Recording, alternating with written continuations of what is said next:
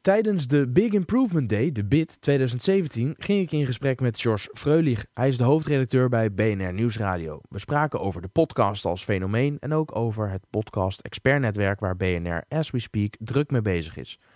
Tijdens de Big Improvement Day sprak ik ook met Joost Geurtsen, de marketingmanager van nu.nl, over podcasten en over hun eigen NuTech podcast. Ben je nu ook benieuwd naar dat gesprek? Luister dan na deze aflevering ook even naar aflevering 72. Mijn naam is Jelle Drijver. Fijn dat je luistert naar de Frank Watching podcast.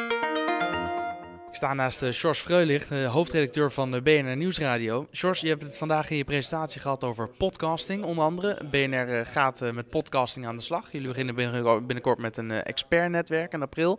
Waarom is dat?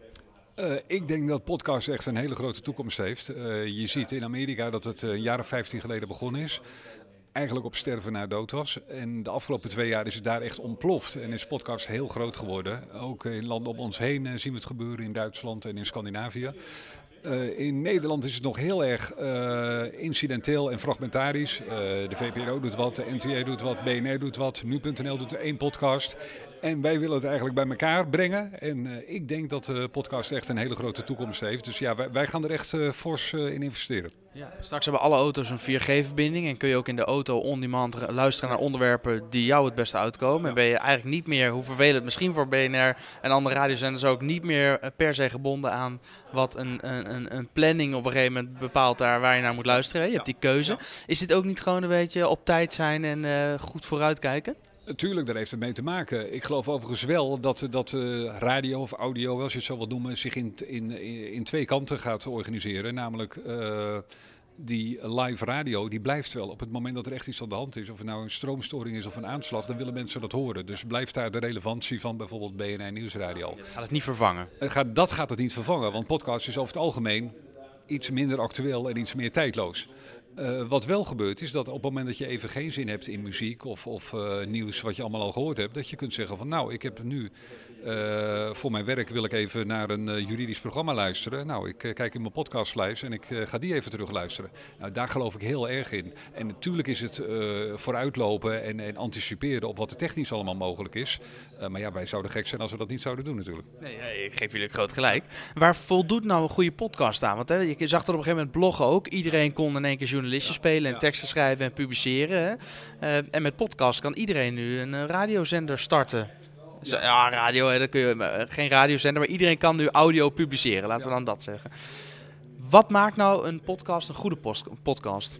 Ja, dat is best lastig om te zeggen. Kijk, iedereen kan het inderdaad gaan doen. Je kan gewoon een, een verhaal inspreken en uh, dat publiceren. Dan heb je een podcast. Maar uh, als het om BNR gaat, wij staan voor kwaliteit. Zowel inhoudelijk, hè, dus het moet ergens over gaan. Het moet gecheckt zijn, het moet goede informatie zijn.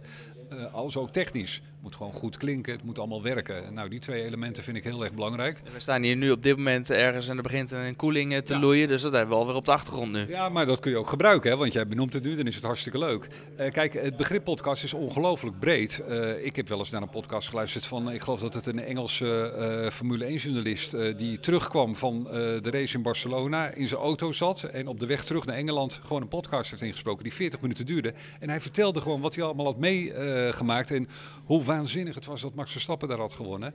En dat was heel simpel, maar ik, ik heb 40 minuten adembenemend naar die man, uh, of ademloos naar die, uh, naar die man uh, zitten luisteren.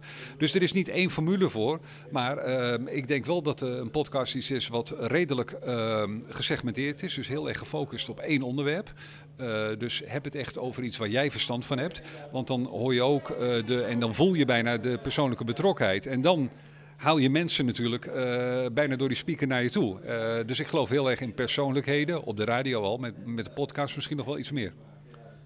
Ja, de techniek is alleen wel een dingetje. Jullie hebben natuurlijk een prachtig mooie radiostudio. Ja. Uh, de gemiddelde podcaster heeft dat niet. En die begint misschien met een, een, een memory recorder en later met zijn iPhone. Ja. En dan, wordt, dan breidt het langzaam uit. Wat zijn nou voor jou minimaal technisch gezien de vereisten om een, een, een goede online radio-uitzending te kunnen maken? Nou, de techniek helpt ons al gigantisch natuurlijk. Uh, kijk, uh, vijf jaar geleden was het onmogelijk om een beetje kwalitatieve uitzending te maken. Nu inderdaad met je iPhone kun je al echt heel erg veel. Nou, als je daar ook nog een goede microfoon op koopt, nou, dat hoeft echt niet uh, meer dan 200, 300 euro te kosten. Dan heb je echt een goede microfoon. Dan heb je gewoon goede studiokwaliteit. Sterker, eigenlijk het microfoontje van, van jouw headset is heel erg goed. Wij gebruiken het bij BNR regelmatig. Wij hebben eh, wat wij noemen de Lucie-app. Daarmee kunnen wij verbinding leggen via je iPhone met onze studio. Waardoor je op studio kwaliteit met dat microfoontje van je headset. En als je een beetje goede verbinding hebt, een strakke 4G-verbinding, is het alsof je bij ons in de studio zit. Dus die techniek gaat je heel erg helpen. Dus dat zijn de drempels niet meer. Dat is een ringer. Dat is ook zo'n app Ja. waarmee je kunt bellen met elkaar. Alleen de audio wordt op beide apparaten lokaal opgeslagen en later aan elkaar geplakt. Nou, kun je nagaan. Eh, dus eh, eh, technisch, eh, dat, dat kan een probleem niet meer zijn. Dus als je nog niet luistert naar podcasts, echt eens gaan doen. Absoluut, zeer aan te bevelen. Zeker. Dankjewel, Sjors.